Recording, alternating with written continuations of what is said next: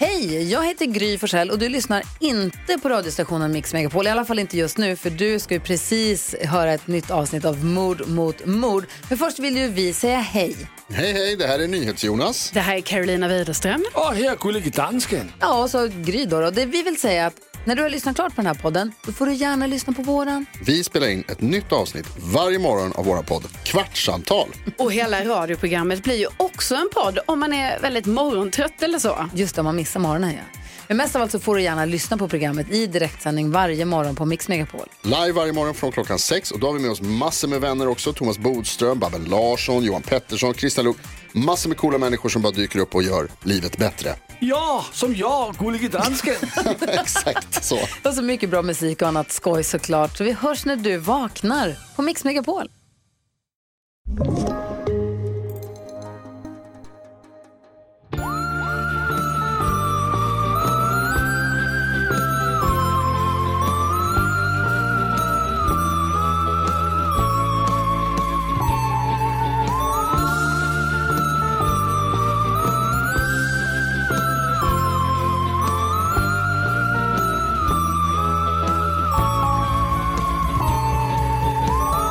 Live from Kung Kungsholmen, Stockholm. It's your favorite true crime podcast, Mood, Mood, Mood, with Karin Laundry in one corner.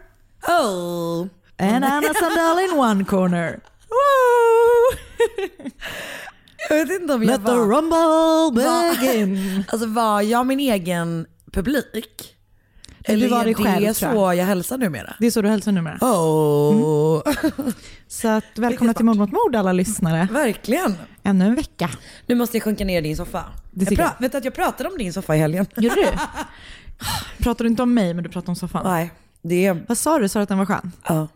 Den är och, ganska skön. Och att den är, den är så, så skön men den är också så liksom, stor. Alltså jag tycker att det är otroligt att du och jag kan, Bor i den här soffan. ja, utan att ens störa varandra. Mm. Den är väldigt stor. Ehm. Men Det är, det är... jag lever ju mitt Nej, liv vet i den här detta är? Innehåll. Det är kon- sant content.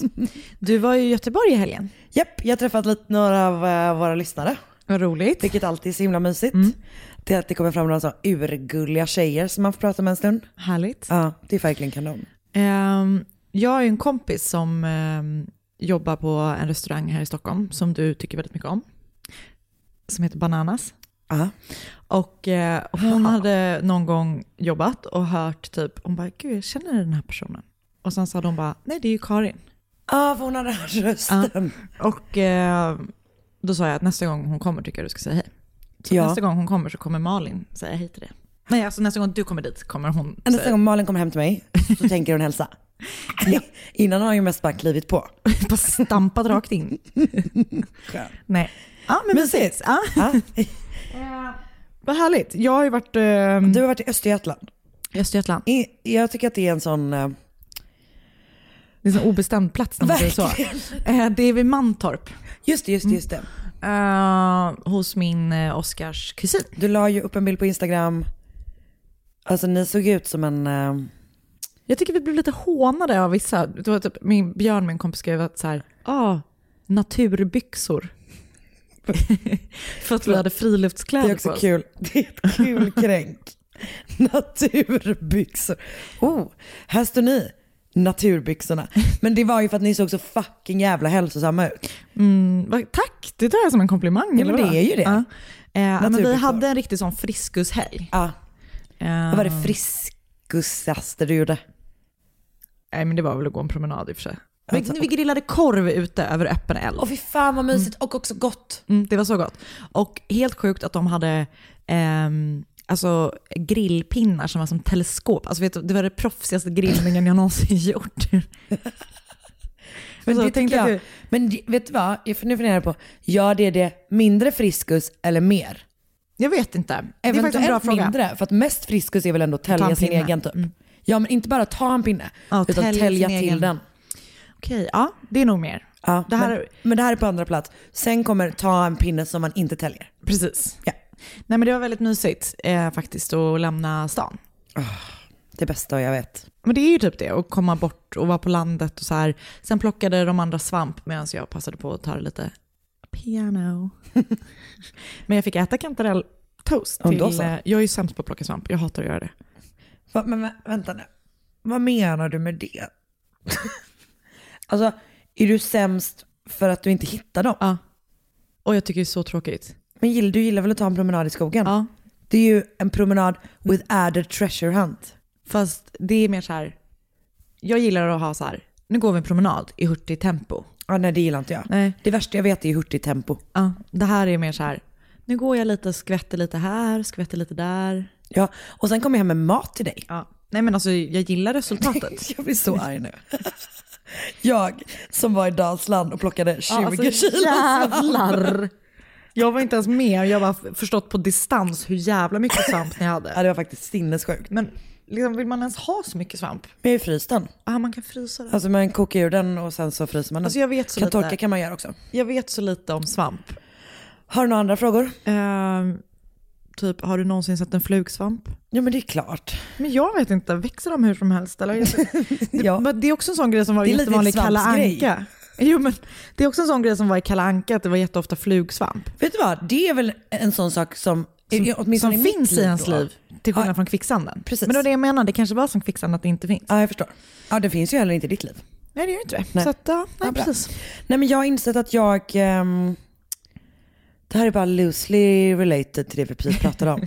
Men kör. Men det handlar om mat. Du har insett att du gillar att käka. Nej, Men det har jag ju alltid vetat. Ja. Men jag har insett nu under min, eh, jag går ju som min stressterapi. Ja. Och då håller man ju på och ska utvärdera vad man får energi av och sånt. Mm, matlagning. Vad sa du? Får du ha matlagning? Ja, jag får verkligen det. Jag tycker det är så, nej, vet du vad? Just nu får jag inte in energi från någonting förutom att vara med dig förstås. Tack. Förutom att se till att jag inte råkar kränka dig. Nej men, men, men däremot så är det väldigt återhämtande. Så därför så har jag kommit på att jag kan bara, för det som är tråkigt med det är ju att då har jag ju bara en viss, en viss stund på dagen när jag lagar mat som vi sen äter. Men jag behöver lite liksom projekt. Förra veckan till exempel gjorde jag en eh, salsa på gröna tomater. Gott. Mm, väldigt gott. Men du, ni har inte ni en pastamaskin? Jo. För när vi skulle hem till dig på middag som vi var tvungna att ställa in, Ja. då sa du att du kanske skulle göra pasta. Och så sa du, men det kanske jag inte ska göra för att jag har typ aldrig gjort det. Nej vi har bara misslyckats väldigt mycket med det. Men det är kanske är det du ska bli. Jag vet, men du kanske ska excel in making pasta. Jag vet, fast vägen dit kan bli svår. Och jag vet inte om mitt psyke just nu klarar Nej, av att du det vill inte fastnar. ha några motgångar. Jag vill inte ha, exakt. Så därför är det lättare att bara okej. göra en sås. Men det är bra. Så att om du har någonting du vill att jag ska göra så kan du säga det. Om du gillar något, du vill att det ska läggas in något, det ska finnas någon sås eller du vill ha någon, jag kanske ska göra en sylt, jag vet inte. Det skulle jag, ja alltså nu äter inte jag marmelad. Nej, Jo, men, men annars du- hade du kunnat tänka dig. Annars hade jag kunnat tänka mig marmelad. Vet du, jag äter en marmelad. Aprikosmarmelad. Fy fan vad gott. Det är så jävla gott. Det kan jag tänka mig. Ja, okej. Ja, Jag får googla lite. Du, vet du vad jag såg på häromdagen på SVT Play? Nej. Att det har kommit en säsong tre av The Sinner. Ah, Min typ alla tiderna favoritserie. favoritserie. Jag visste liksom inte ens att det skulle komma en säsong tre. Så jag plötsligt var jag inne du och... måste blivit så glad. Alltså jag blev så glad. Alltså jag blev så glad. Så härligt ju. Ja, så den eh, har jag börjat titta på. Ja. Det var kul. Och, sen så var Och hur verkar den? Ja men bra. Känns det liksom... Det känns bra. Ja. Ehm, och sen var det något annat som jag också började titta på. Jo! Har du sett den Kim Wall-serien? Nej, jag har inte gjort det. Nej. Fy fan. Vi har pratat om det lite här hemma då. Ja. Eh, Vänta, vart vart är det den är? Dplay typ? nej, på SVT också. Ah, okej. Ja, just det, det finns en annan på Dplay. Den här heter ju Utredningen. Just det, just det, just det. Eh, och handlar då just om utredningen efter det. att hon har försvunnit. Bra namn på så sätt. Exakt, väldigt tydlig. Alltså Och det är följer ju poliserna typ. en dansk serie. Ja. Och lika mycket som jag tycker om Norge och norrmännen, lika mycket tycker jag om Danmark och danskarna. Japp. Jag älskar dem. Det är Eh, Jättemycket. Nej men eh, det är ju så jävla hjärtskärande. Vi har pratat ganska mycket om det här hemma. Det känns himla tidigt. Eller det känns nära inpå. Japp.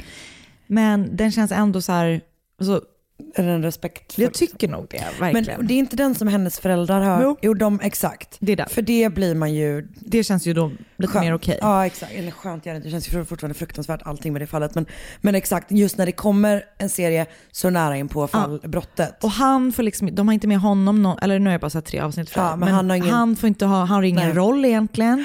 Eh, och det är väldigt liksom lite fokus på vad som har hänt i ubåten. Men det Ja. är bara så här, jakten på. Oh, wow! Eh, och så är det Pernilla August som spelar hennes mamma. Ja den är, alltså den är spelad. Ah, ja. Ja, jag tror det var en dokumentär. Nej, nej, nej. Jaha. Det är en spelserie. Men gud vad intressant. Okej. Vad sa du, Eh, SVT Play? SVT Play. Så jag har glömt bort hur mycket jag tycker om Pernilla August. Ja. Hon är fan otrolig tycker jag alltså.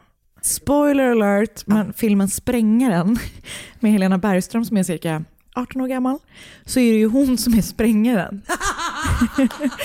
och jag minns bara att jag tycker hon är så himla läskig den sista scenen när Helena Bergström sitter liksom.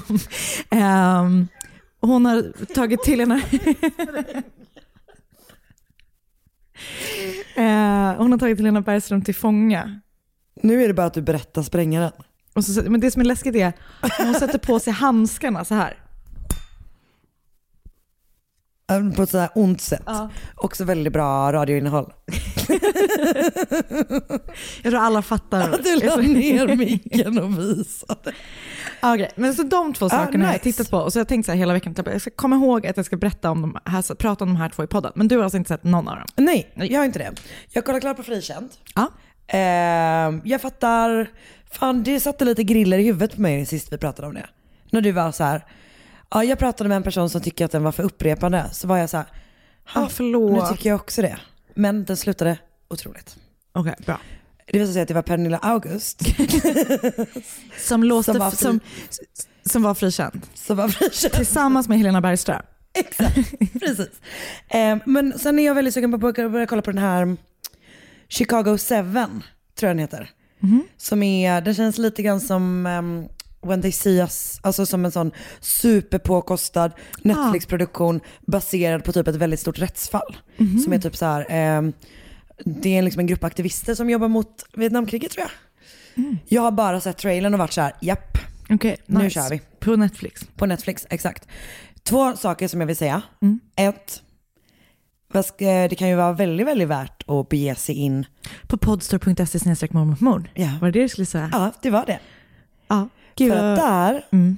släpper vi, samtidigt som vi släpper det här avsnittet, ny merch. det, det känns väldigt kul att kunna presentera det Alltså i, jag är så i, glad i för det. media. Det är en briljant tjej som heter Linnea som har Så gjort fint. en eh, underbar eh, Something Stinks About This Gary design för oss. Mm. Alla andra sådana designer kan s- slänga sig i väggen. Ja, för nu har vi The something things about this scary designer och även andra. Ja. Även andra saker hon gör är fina.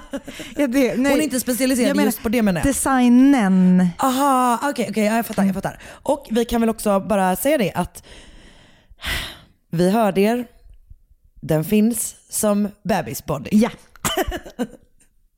Bebisbody, gympapåse, alltså, mugg jättesnygg.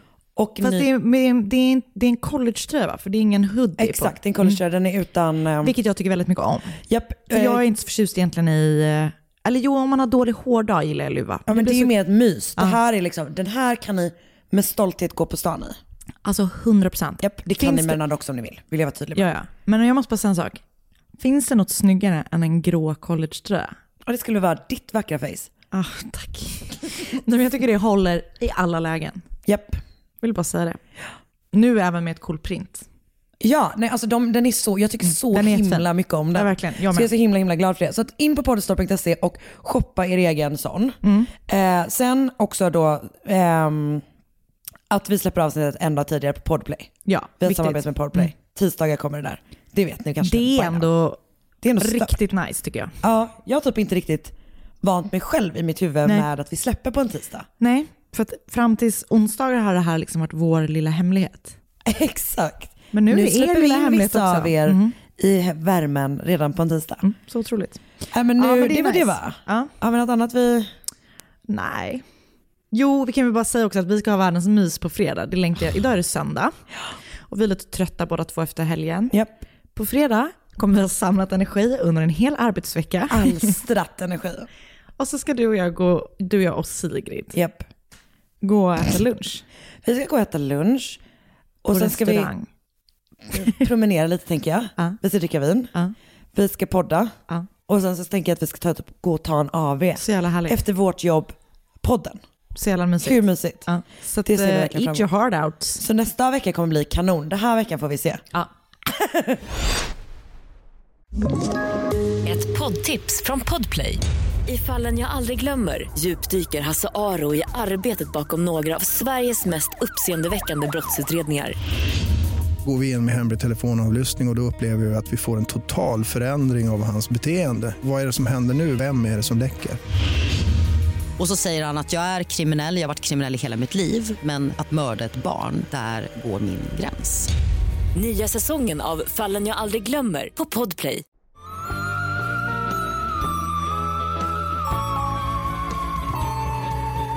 Den här veckan har jag valt ett lite så annorlunda fall eh, som jag snubblade över när jag var nere i så här, hmm, vad ska jag göra den här veckan hålet verkligen.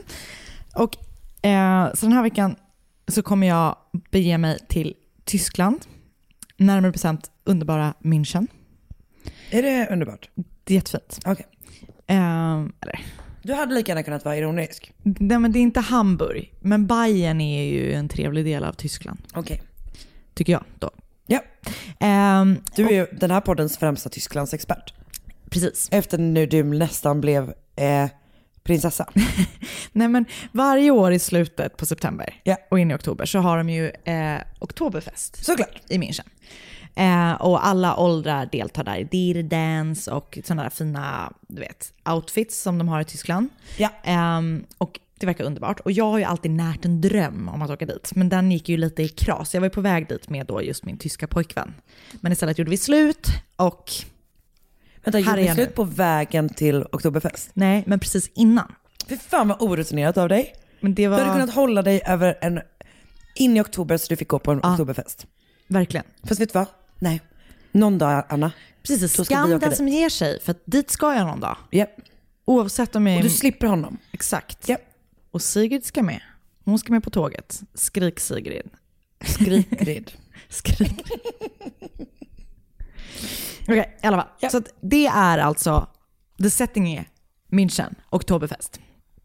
Otroligt stark setting. Eller hur? Ja. Den 26 september 1980, alltså ganska exakt 40 år sedan, ganska exakt, eh, så är klockan då 20 minuter över 10 och festligheterna för kvällen börjar närma sig sitt slut. Och festivalområdet ska då såklart stänga Japp. och det är flera tusentals människor som liksom trycker sig mot utgången. Vid utgången, som också då var entrén eh, till det här området, så ses en man luta sig över en soptunna.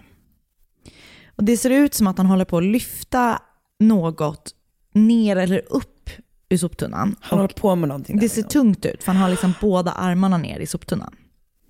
Och samtidigt som han håller på i den här soptunnan så händer något. För det går av en stor explosion.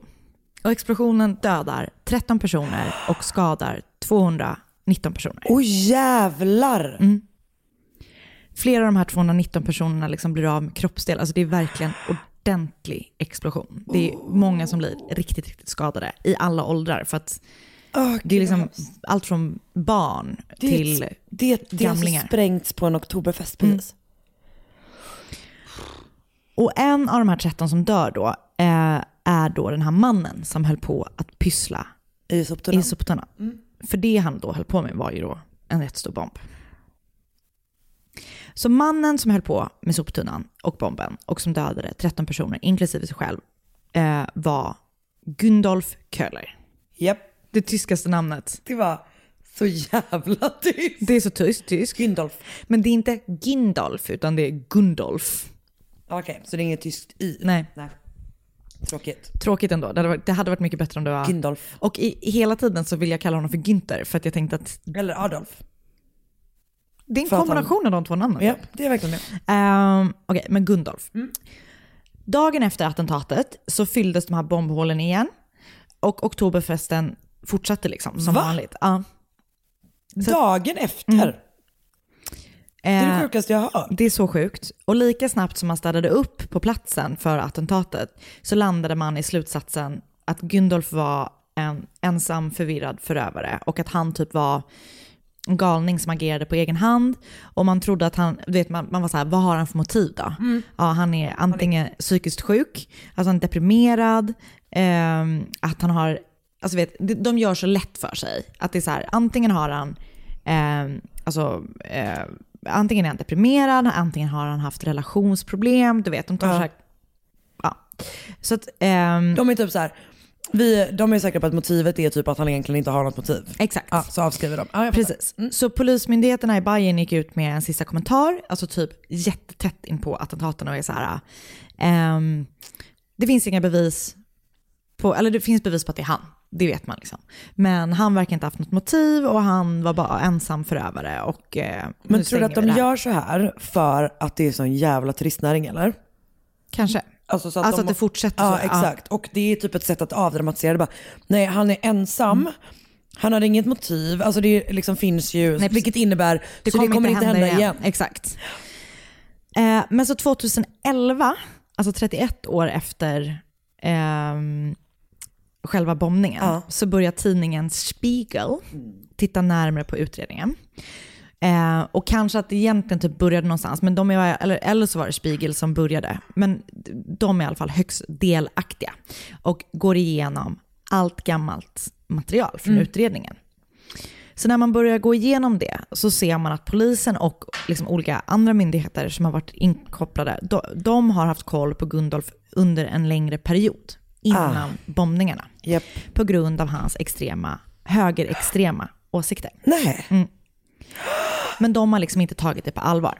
Så det visar sig också att typ viktiga bevismaterial, typ som det fanns, som fanns kvar av bomben, och annat viktigt, liksom, Ja. och viktiga spår, inte har följts upp eller sjabblats bort. Så att man liksom inte undersökte tillräckligt noga när det hände. Men det, alltså det är ju, hur det här typ inte var landssorg, alltså liksom, det är ju så jävla många som dör och så jävla många som skadas liksom. Nej, det är så jävla sjukt.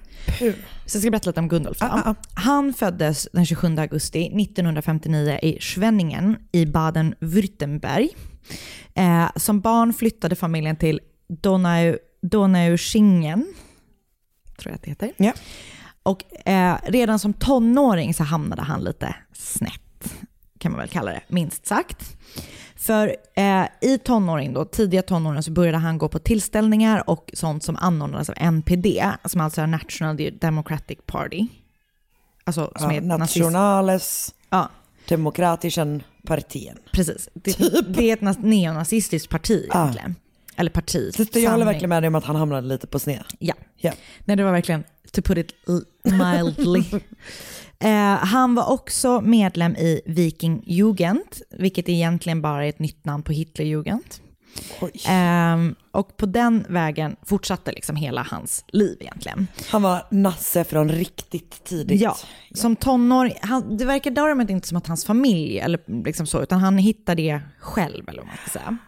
För som tonåring så har han nära kontakt med en äldre man som var nazist. Liksom. Ja. Eh, och eh, Gundolf såg honom som en eh, fadersfigur. Han hade också ett porträtt av Hitler ovanför sin säng och Perfekt. var helt klart oroväckande intresserad och fascinerad av nazismen Ja. och typ samlade memorabilia från naziperioden och sådär. För, ja, och, va- och var så här, han var rakt upp och ner nazist. Absolut. Ja. Eh, han var med under, på något vänster så gick han med i tyska militären under en kortare period. Ja. För där ville, han ville utforska sitt intresse för eh, dynamit. Åh den. nej. Ah. Man bara, nej gör inte det. Utforska inte ditt intresse för dynamit. Nej. Men han, fick, han blev eh, eh, dismissed från armén för att han hade hörselproblem. Vi kan ju säga att eh, om man hör Sigrid så är hon med sin pappa men är ändå lite Ja, upprörd exakt. bara. Ja. Hon är inte ensam i ett annat rum. Gud, sjukt om hon hade. Man vet aldrig. Nej. Ehm, under tiden han pluggade geologi i Tübingen eh, gick han med i eh, en högerextrem studentgrupp vid namn Horschu- Horsch- Hochschulring Tübinger Studenten. Okej. Eh, Men han höll sig ändå liksom mest för sig själv. Och han hade en tydlig fascination för vapen. Alltså, just den här kombinationen. Jag tycker inte den är ultimat. Den är, den är verkligen Alltså typ såhär, vad... det. Det är, jag, säger, jag tycker det är ju förstås aldrig att man bör vara nazist. Men det känns bättre i mig om det är någon som är nazist och typ den största intresse är knyppling. Eh, jag håller verkligen Det är med så här, ja vad ska du göra? Ska Med du knyppla knypplat. ihjäl mig och mina, min judiska familj? Men det känns som att eh, intresset för vapnet och nazismen går hand i hand. Ja, ja, 100%. Eh, men han tog aldrig sin examen. Eh, jag tror helt enkelt bara för att han inte klarade det. Typ. Eh, så då flyttade han tillbaka till sin hemstad Donaueschingen. Japp. Där han eh, blev deprimerad, sägs det då. Jag vet inte. Ja, han mådde inte så bra. Han mådde inte så bra. Eh, och gick allt mer upp i sina högerextrema tankar. Japp. Eh, han ska tydligen då ha pratat med några vänner vid upprepade tillfällen om att han var sugen på att fixa en bomb och bomba något för att sen försöka sätta dit vänsterextremister istället. Ah, okej. Mm. Efter bombningen så berättade någon i hans närhet att han ofta hade pratat eh, om att han stödde Hitlers utrensning av judar och kommunister i eh, landet under andra världskriget. Och att han gärna skulle vara med i SS eller någon liknande organisation eh, för att fortsätta striden mot kommunister. Men jag antar att de här kompisarna han har här är väl också nassar eller? Alltså jag tänker att antingen ser de det, eller så är de någon som bara inte har trott, trott att, eller du vet så här, tänk dig typ att du känner någon galning. Ja, jo det Jag tänk- ju en och annan. Ja, men så tänker man kanske så här, säger han det här för att provocera typ? Ja just det. Ja. För jag tänker att hade de varit nazister så hade de kanske inte berättat det vidare för polisen. Nej det är i och för sig sant. Det är i och för sig sant. Men jag tänker han- han... har ju ändå varit det eh, sen han var jätteung. Ja det borde, nej jag och allting han har gjort hittills i livet har varit supernassigt. Alltså verkligen. Nej, det är väldigt konstigt. Ja, ja.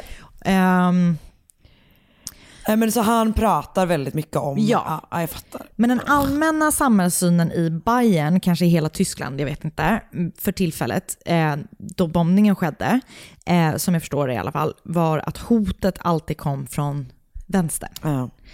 Eh, och att liksom de som var mer åt höger var så här, De är fine. de är fine. Eh, så man kunde typ inte, tror jag, liksom acceptera att det fanns högerextrema terroristceller som verkade runt om i världen och i Tyskland. Så eh, Gundolfs engagemang, eller vad man ska kalla det, eh, Jag fattar. Alltså, involvering eller eh, i, i de här liksom, nazistiska organisationerna eh, spelades ner helt och hållet. Ah. Eller då, liksom, man pratade inte om det efter att han hade alltså, efter- bombats här. Det är så jävla sjukt. Det är så sjukt. Eh, så att även fast man hittade liksom bevis, eller man ska säga, på hans delaktighet eller hans medlemskap eller i både Viking Jugend och det här Wehrsportsgruppe som är, eller som var en annan nazistisk organisation under ledning av en nazist som heter Karl-Heinz Hoffmann. För det var då, ja, precis, i hans hem så, så struntade man i att så här, plocka in det som bevis i utredningen. Typ. Det är ju Skitkonstigt. helt absurt. Mm. Men det måste ju vara som sagt bara, man ville bara sopa det under mattan och Ja. gå vidare från det så fort som möjligt. Typ. Men, så det som då eh, visade sig typ 30 år efter bombningen var att polisen och underrättelsetjänsten egentligen hade koll på hans rörelse med alla de här nazistiska grupperna. Eller hans liksom sam, ehm, inblandning i dem. Ehm, till exempel så hittade man också brev som hade växlats mellan Gundolf och den här Hoffman som var ledare för den här Wehrsportsgruppen. Eh, och de här breven är fortfarande hemligstämplade.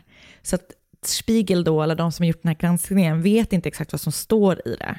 Ha, Men de har då i alla fall liksom haft någon slags brevväxling med varandra. okej. Men så det som man nu, idag, liksom 40 år senare, ehm, är då att man, då tror man, eller man, man har typ landat i att han agerade på bevåg av någon av de här nazistiska grupperna och att han var inspirerad av fascisterna i Italien. För precis innan bombningen i München 1980 så hade det, eh, fascist, någon fascistisk grupp gjort eh, en liknande bombning vid någon sån här happening Ja. i Bologna där 85 personer dog och 200 skadades. Ehm, så det framkom då i granskningen av utredningsmaterialen 2011 var att också att precis efter bombningen, alltså typ om det var samma kväll eller dagen efter, så har flera vittnen eh, vittnat att de har sett Gundolf med eh, flera andra män iklädda i typ någon så här jacka som är typ som militär, alltså Ja. det är väl inte tyska militären för att de är väl inte nazister. Men du vet att de har sett någonting som... Det, De har han- typ sett ut som en grupp. Exakt. Ja. Han har inte varit ensam. Och vittnena har, du vet, gjort, som- de har gjort sådana gär- gärningsmannaskisser och sådär. Men polisen följde aldrig upp det. Men det är ju hur läskigt som helst. Mm. Eh, och eh, Gundolf och antagligen hans gäng var starka supporters till han som var guvernör i Bayern vid det här tillfället, som hette, hette Franz Josef Strauss. Han var också då eh, kandiderade för att bli alltså, rikskansler eh, i valet 1980, som skulle vara bara några veckor senare. Ehm, eh, Gundolf ville hemskt gärna att Tyskland igen skulle bli en nationalsocialistisk diktatur och det är oklart om den här Strauss ehm, skulle uppfylla det. Men min, jag träffade min pappa innan idag och han var så här, han var nog, han var nog, han var extremt konservativ den här Strauss, Japp. kanske liksom, eh, i alla fall varit nazist. Ja. Och det kanske aldrig, det vet jag inte exakt. Men, det var, så han, men de stöttade i alla fall honom då. Och det spekuleras då, eller det man tror är att eh, Gundolf och hans gäng gjorde det här, utförde den här bombningen för att på, försöka påverka valutgången. För att man då skulle tro att det var vänsterextremism. Och då kommer man dra sig längre åt höger när man Exakt. röstar. Jävlar. Eh, Strauss själv har efter dådet spekulerat eh, i tidningar och så här, att han bara troligtvis är det här utfört av KGB eller av eh, Gaddafi. Ha, gud, länge sedan man tänkte på Gaddafi. Alltså verkligen. Det var typ när jag läste det, jag bara, ja just det, han. Ja, Så kände jag. verkligen.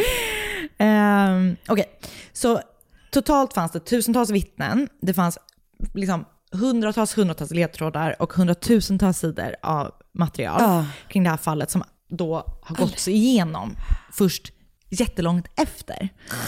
Och eh, nu under 2020 så landade typ, om det är riksåklagaren eller åklagarmyndigheten eh, i Tyskland, i att Gundulf Köhler planterade bomben med politisk agenda eh, och efter att ha granskat allt material eh, är det rimligt att utgå ifrån att han hade flera medhjälpare eh, och folk runt omkring sig som eh, vet mycket mer om attentatet än vad de vill erkänna, liksom, eller så här, än vad polisen, alltså Ja, ja, ja. än vad man Ja. fattar.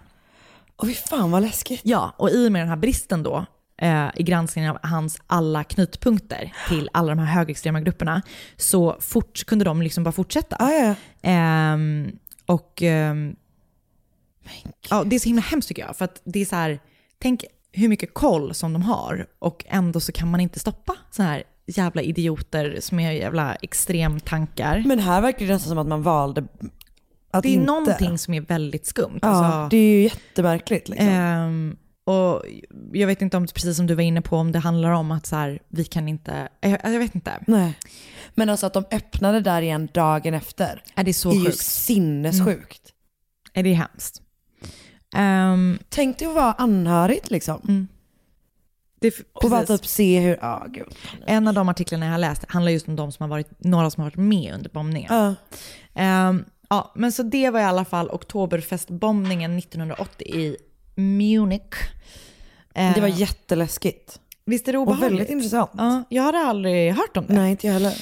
Men jag har i alla fall läst ehm, en artikel som heter eh, 1980s Oktoberfest bombing a far right attack i Die Welt. Heter den? Die Welt. Jag kan då inte tyska. Eh, jag hittar inte namnet på den journalisten som har skrivit den här artikeln. Nej. Sen har jag läst två Spiegel-artiklar som heter, det här är då också översatt i Google Translate. Did neo-Nazi murderer really act alone? av Jan Freidman, Conny Neumann, Sven Röbel och Steffen Winter. Och eh, Officials Ignored Right-Wing extremist, extremist Links av Tobias von eh, Heyman och Peter Weniersinski. Och såklart lite olika Wikipedia-sidor och en artikel med namn typ, det här är också Google Translate, Ja. den federala åklagarmyndigheten stoppar utredningarna av Oktoberfestattacken av Annette Rammelsberger i Süddeutsche Zeitung. Wow. Jag tyckte det här var jätteintressant. Mm, kul! Och jätteläskigt. Jätte, jätteläskigt. Tack så jättemycket Tack till dig. själv. Tack. Thank you. Ett poddtips från Podplay. I podden Något Kaiko garanterar östgötarna Brutti och jag, Davva, dig en stor dos skratt. Där följer jag pladask för köttätandet igen. Man är lite som en jävla vampyr. Man har fått lite blodsmak och då måste man ha mer. Udda spaningar, fängslande anekdoter och en och annan arg rant. Jag måste ha mitt kaffe på morgonen för annars är jag ingen trevlig människa. Då är du ingen trevlig människa, punkt. Något Kaiko, hör du på Podplay. Därför är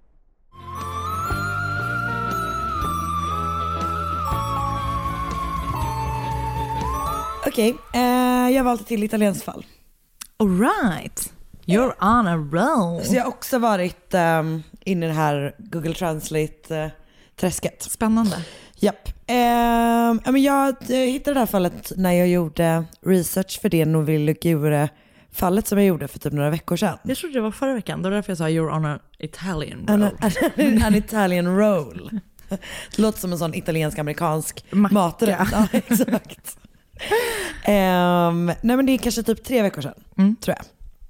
Så att då hittade jag det här och så var, var det var, it stuck with me. Sådär. Ehm, det här, för det här är typ samtidigt. Och det Okej. utspelar sig också i norra Italien, men liksom ännu längre norrut. Okej. För vi är då i Chiavenna. Ja. Alltså det ser så himla fint ut. Det är liksom en alpstad.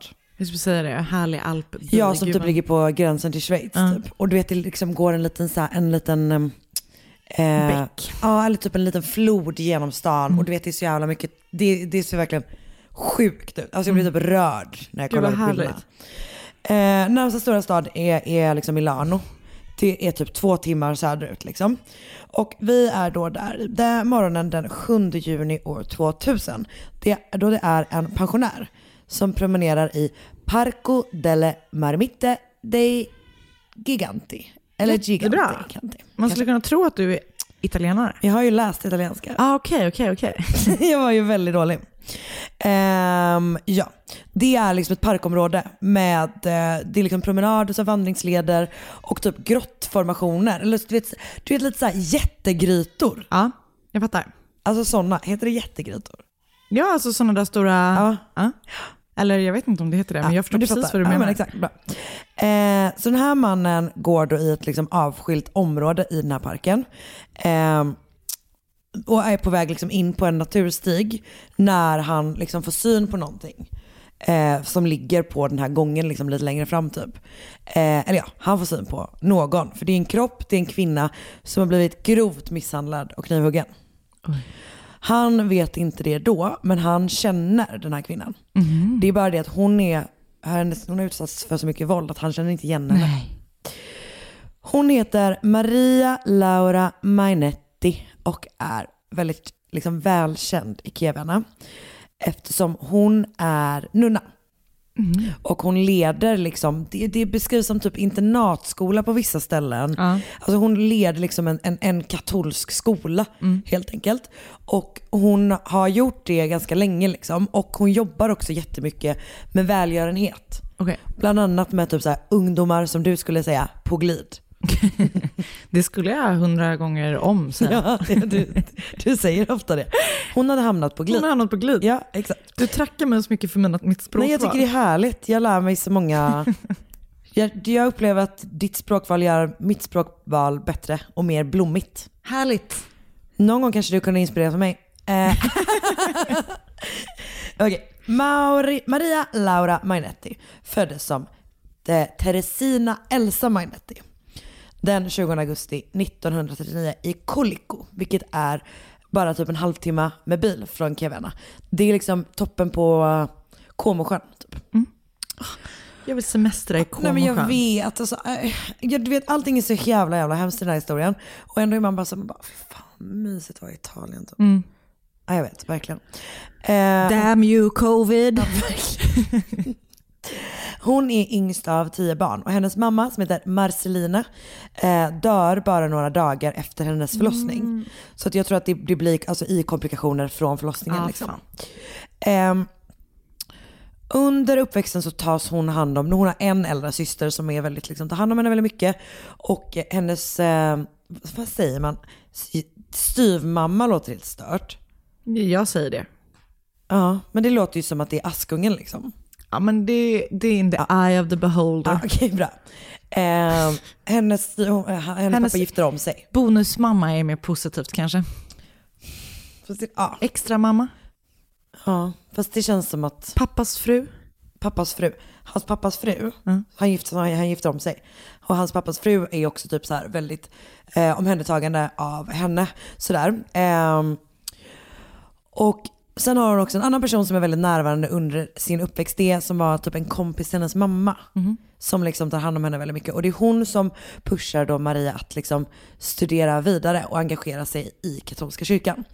Så 1957 så säger en präst till henne att hon, hennes uppdrag i livet är att göra fina saker för andra.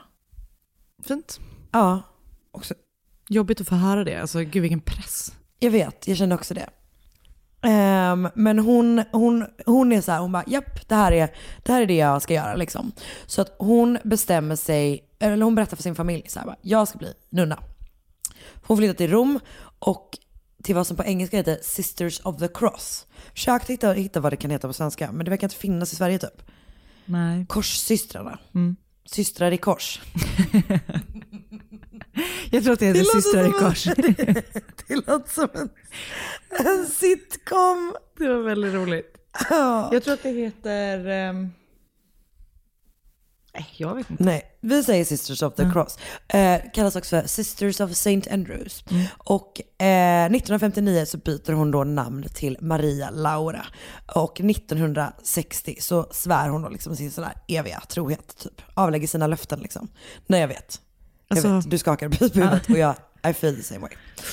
Som Eh, stressar mig alltså. Jag vet. Och sen så inleder hon, alltså hela hennes, eller det är klart det är så, jag väg att säga, hela hennes liv är i katolska kyrkan. Man bara, ja, she's a fucking nun. Verkligen. Det är hela grejen. Det är lite det det, det, är lite det, det lite det det handlar om.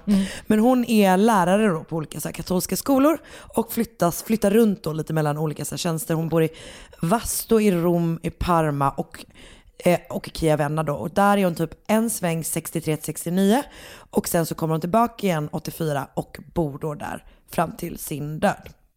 Och sedan 1987 2000. Precis. Eh, och sedan 1987 så är hon ansvarig, alltså main nun på det här liksom, lärosätet. Det heter väl eh, abbedissa va? Det, heter, nog- ett, det ordet är så fint. Jag tycker det är väldigt bra. How do you solve a problem like Maria? Det är kul att det är så här, det här är verkligen inte första gången som det sjungs Sound of Music, låtar den här. Plenty of things you know you like to tell her. Min favorit är den här.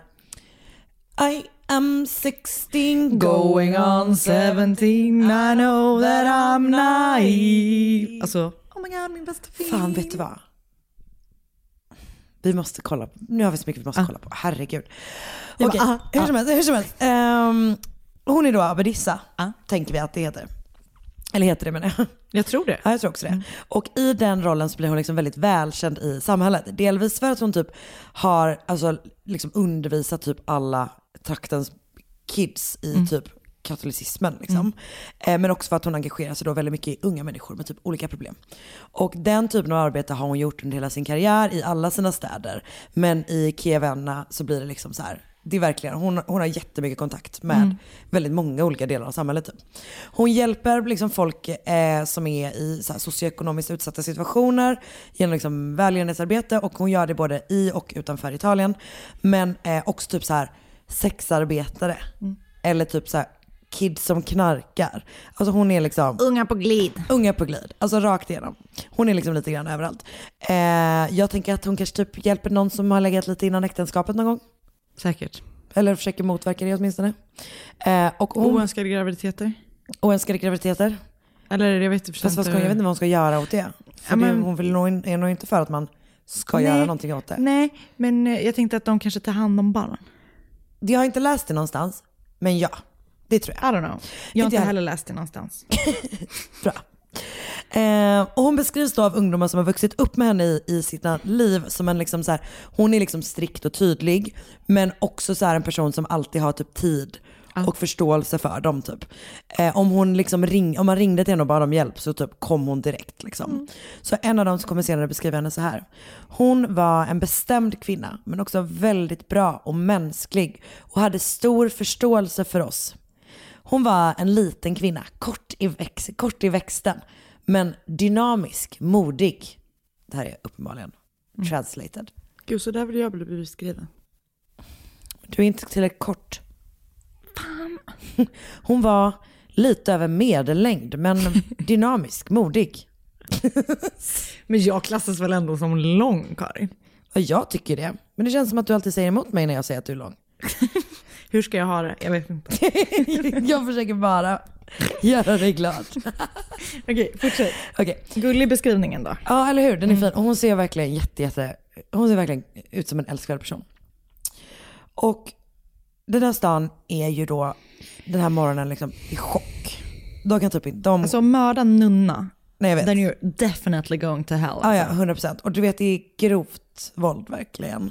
Eh, så vem kan liksom ha gjort det här super, supervidriga mot en person som alla liksom har en relation till? Jättekonstigt. Och som gör så mycket gott typ. Mm. Och man kan då konstatera att Maria har knivhuggits 19 gånger. Men hon har också utsatts för ganska mycket gru- liksom, trubbigt våld mot bakhuvudet och, eller runt, mot huvudet egentligen.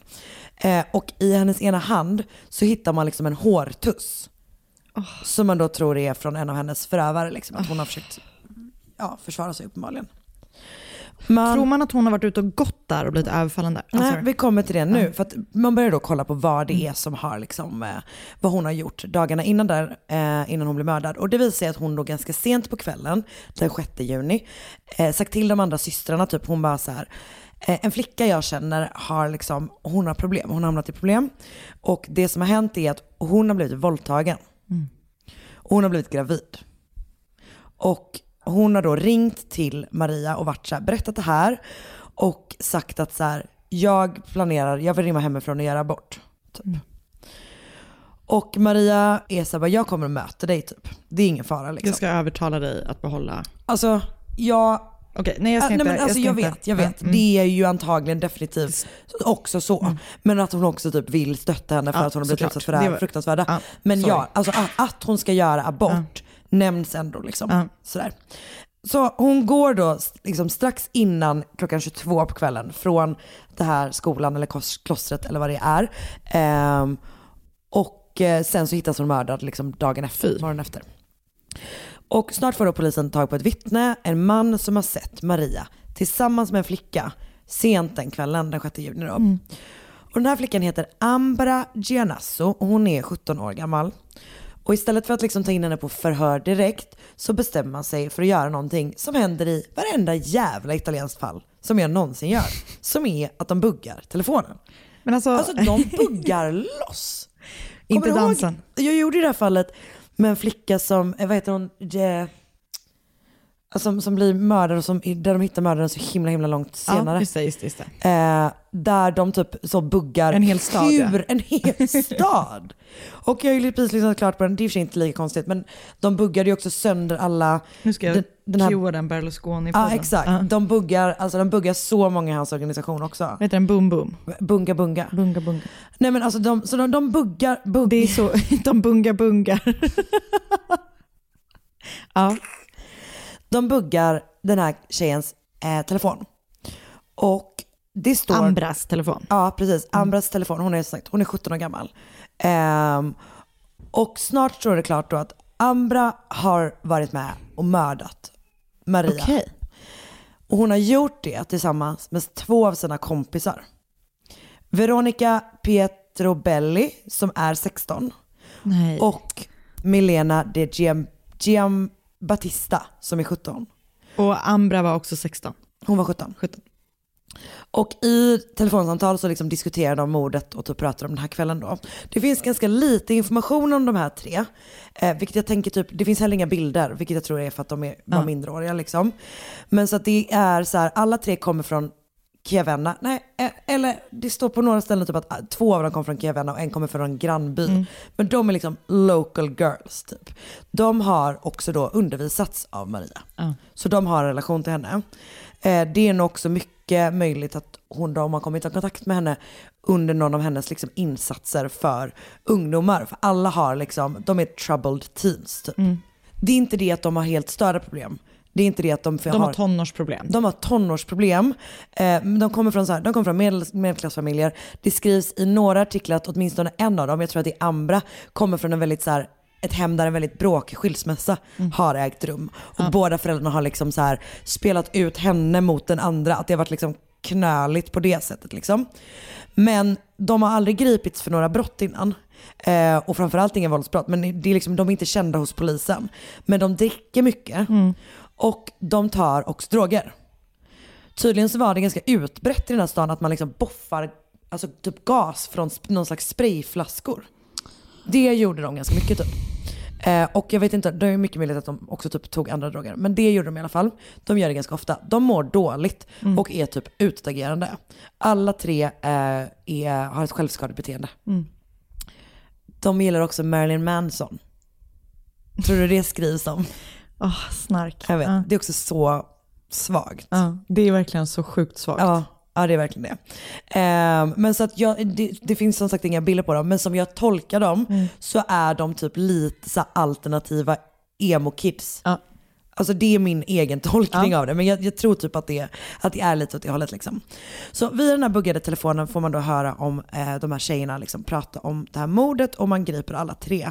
Och när man konfronterar dem med telefoninspelningarna och det faktum att håret man hittade i hennes hand kommer från en av dem. Jag vet inte vem för det står inte. Nej. Men någon av dem har, det är liksom DNA från, från en av tjejerna. Och då erkänner de då vad de har gjort. Men de säger att de, först säger de att, att, de, att det är ett mord, alltså att de gjorde det liksom for a game eller for sport. Eller typ att det var, så, är det, så beskrivs det på engelska liksom. Eh, att det bara var så här De typ ville en kul testa grej. typ. Ja. Typ. Eh, men snart ändrar de sig och man börjar då säga att, att eh, Som att det är så här en bra...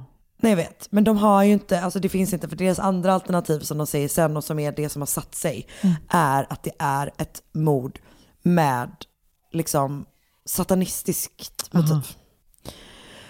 Och först har de då tänkt att mörda den lokala prästen. Men han, de säger de bara, han är så tjock, vi skulle aldrig kunna göra det. Man bara, okej. Eh, så det är liksom, de, då bestämmer de sig för istället för att, att ta liksom Maria. Liksom. Eh, och kvällen den 6 juni så ringer då Ambra till syster Maria. Vad hemskt. Det är hon som, hon som ringer henne. Och du vet just det här att hon liksom ber om hjälp. Så utnyttjar Alltså- hennes vänlighet. Exakt, de går liksom på Mm. det som jag gjorde henne till en super, supergod person. Mm. Eh, är vad de använder sig för att liksom gillra en fälla åt henne. Ehm, så de stämmer då träff i den här parken eller utanför den här parken och hon är så här, eh, jag har min väska här borta i en kompis bil typ. Mm. Så följ med mig så går vi dit liksom. Och när de då kommer in en bit i parken och lite mer så avlägsen plats så attackeras hon med en tegelsten. Nej. Och sen tvingar de henne att stå på knä och medan de liksom misshandlar henne och typ så här skriker vidrigheter till henne liksom. Fan vad hemskt, jag orkar inte.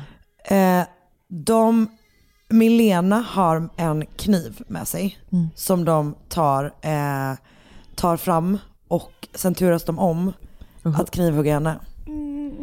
Och de säger senare att planen var att hugga henne totalt 18 gånger, det vill säga sex gånger var. Som i 666. Men gud. Ja, du fattar. Ja. Det är barn. Ja, Alltså förstår du vad jag menar Ja. liksom?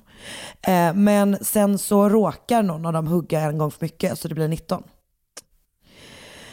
Under hela tiden så ber Maria till Gud och ber också om att han typ, alltså hon ber om att han ska förlåta dem. dem. sorgligt. och säger också att hon förlåter dem typ. Det är så jävla sorgligt.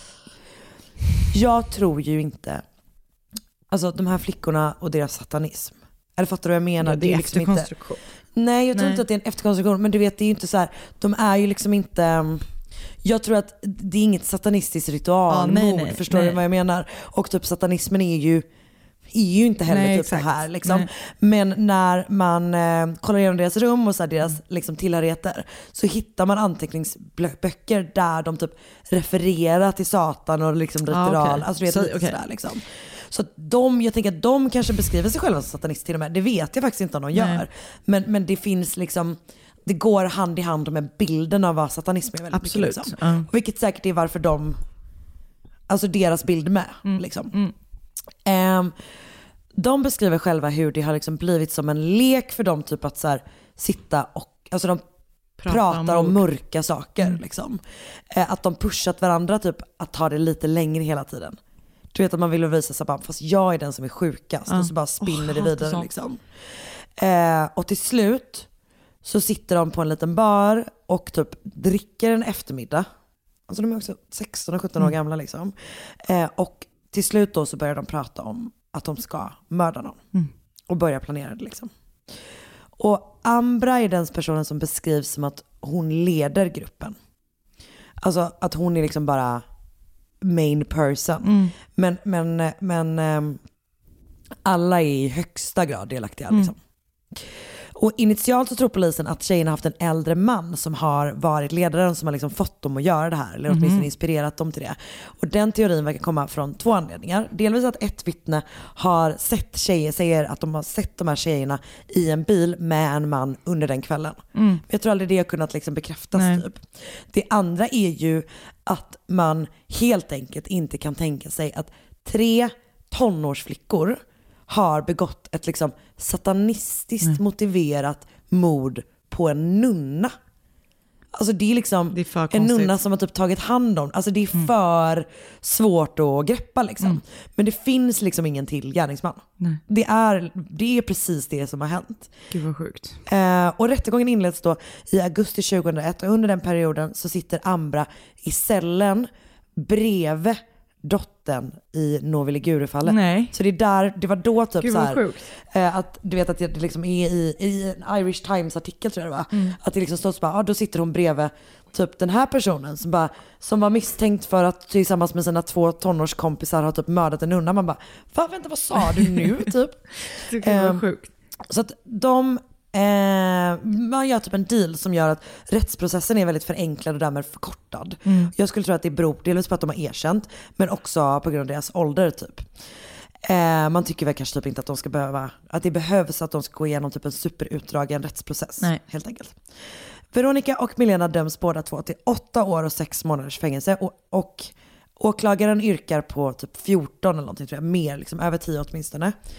Ehm, men straffet blir ganska mycket kortare på grund av att man anses, anser att de inte är helt, har varit helt tillräckliga. Nej. Att det är typ så, du vet, det är inte att de är så här, de är inte alls tillräckliga utan det är liksom hälften hälften lite grann. Mhm.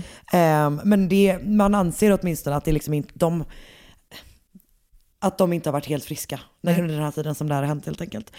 Ehm, partially insane Okej. beskrivs det på engelska, Okej. vilket man ju kan relatera till. Mm.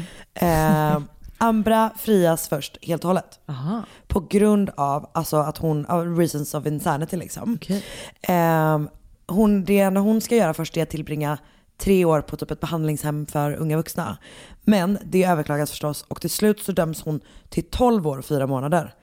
Så det är ju en väldigt stor Skillnad. Ja, exakt. Och det tror jag helt enkelt är för att hon anses vara ledaren typ. Hon har varit drivande liksom. Och hon är också den personen som faktiskt lockar, ehm, alltså lockar Maria till parken liksom. Jag vet, det är så jävla vidrigt. Eh, även i den domen så anses hon vara inte helt tillräcklig. Nej. Eller har varit det i alla fall. Veronica släpps redan 2004, Milena 2006 och Ambra tror jag 2007. Okej. Så de sitter ju inte så länge liksom. Eh, och alla tjejer har då fått behandling i fängelset och lyfter typ fram så här, terapin och det som någonting som verkligen har förändrat dem. Okej. De verkar inte ha fortsatt på alltså, brottets bana Nej. om man säger. Utan de har bland annat så besökt det här klostret som Maria tillhörde. Och åtminstone en av dem har typ träffat hennes eh, systrar, alltså nu inser jag att det kanske faktiskt är Nunnes systrar och inte Ja, hennes biologiska systrar antagligen. Ja. Men också har blivit förlåtna av dem. Så Ja. de verkar liksom ha, ha jobbat ganska mycket på den typen av, eh, Mm. ja, i den typen av liksom, sammanhang typ. Ehm, hösten 2005 så inleds, just det, de har Eh, båda, alla, alla tre har typ bytt namn och Mm. bor i typ så stora städer och typ någon började plugga i- under är helt fängelset. anonyma ja, liksom. exakt, Mm. precis. Och som sagt, det finns ju inga bilder på dem. Nej. Så. Hösten 2005 så inleds processen att helgonförklara syster Maria Laura Magnetti. Och jag tror, alltså, jag tror att det först är så att man gör en salig förklaring. Mm. Det är en pojke nu som håller på att bli En pojke? helgon i, förlåt, ja precis, man gör en salig förklaring först. Vad är det för pojke? Vad har han gjort?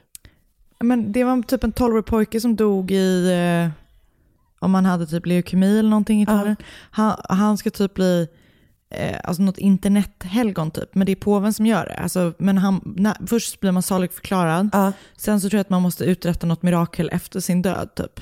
Ja, för grejen är att det som har hänt med det här då är att hon har då blivit saligförklarad. Mm. Den, så det är klart. Eh, och the Congregation for the Causes of Saints Mm. har förklarat henne martyr, för henne martyr och valt att bortse från just det Ah, där okej. mirakelgrejen. Ah, okej, okej. För att jag, för jag var såhär, de bara, eh, setting aside the miracle Mm. thing, typ. Så stod det inte. Men du fattar, jag bara, vad är det för mirakel? Precis. Jaha okej, så man måste, förlåt, men vad är det för krav? Men alltså, det, Bara, det räcker inte att du har gjort världens bästa saker under ditt liv. Nej. Du måste Efter komma tillbaka och göra ett mirakel när du är död. det är så- Men det har de då valt att bortse från Okej. här. Ehm, och den 19 juni i år, det kanske är samtidigt, så deklarerar då påven att Maria Laura Magnetti är, alltså hon är martyr. Liksom. Och nästa år, den 6 juni 2021, alltså 21 år efter hon mördades, så ska hon officiellt helgonförklaras. Mm. Jag har läst massor av La Repubblica-artiklar om mordet, men också på The Guardian. En artikel skriven av Rory Carroll som eh, ja, är sammanfattande. Mm. Liksom. En artikel på Il Giornale med rubriken La killer di Suor Maria averla uccisa, uccisa mi ha salvato la vita. Vilket rakt upp och ner typ betyder så här, mordet på Maria förändrar mitt liv. Alltså Mm. att hon bara, jag är typ tacksam för att Ja, Okej, det ja. blev lite grovt alltihopa. Mm. Men att hon bara, ja vi, vi som sagt vi fick så himla mycket terapi i fängelset Ja. sådär. Så jag har lagt om hela mitt liv. Okej. Men det är väl ändå kanske inte en typ en supersoft rubrik att få läsa som anhörig. Eh, sen har jag läst lite om det här med den här helgonförklaringen va, på lite olika katolska nyhetssajter. Spännande. Framförallt Agencia Fides som kanske är en katolsk nyhetsbyrå. Och deras, assist, eh, deras artikel Sister Maria Laura Magnetti, educator of young people, killed while forgiving her murderers, will be blessed. Alltså, Och sen så har jag också läst eh, Wikipedia förstås. Mm. Tack snälla, gud vad hemskt. Det är fruktansvärt. Så sorgligt. Det är så jävla jävla sorgligt. Hon verkar vara en jättesöt person. Men nu blir hon helgon. Det är väl typ det största man kan bli som nunna tänker jag. Ja, jag trodde typ inte ens att de, alltså jag trodde att fönstret för helgon hade liksom stängts. Att de var så här, nu kanske vi inte kommer ha några nya. Men det verkar ändå, de kör på. Katolska kyrkan. De De, kör på. de kommer aldrig stänga det fönstret. Det är verkligen, alltså det är deras eh, tagline, katolska kyrkan, vi kör på. Tack för den här veckan. Japp. Eh, som sagt, kolla in i podstore.se mord mot mord. Japp. Oss fina grejer. Japp. Gå med i vår Facebookgrupp. Japp. Bli medlem på Podplay så får du lyssna på Mord mot mord på tisdagar istället Ja. för onsdagar. Önskar fall på Instagram, att Anna, att Karin André. Det var väl det eller? Det var väl verkligen det. Gud, den här listan börjar bli så lång. Ah, älskar det. Älskar det. Älskar långa listor. Älskar information. Hej då! Ett poddtips från Podplay. I fallen jag aldrig glömmer djupdyker Hasse Aro i arbetet bakom några av Sveriges mest uppseendeväckande brottsutredningar. Går vi in med hemlig telefonavlyssning och, och då upplever vi att vi får en total förändring av hans beteende. Vad är det som händer nu? Vem är det som läcker? Och så säger han att jag är kriminell, jag har varit kriminell i hela mitt liv men att mörda ett barn, där går min gräns. Nya säsongen av Fallen jag aldrig glömmer på Podplay.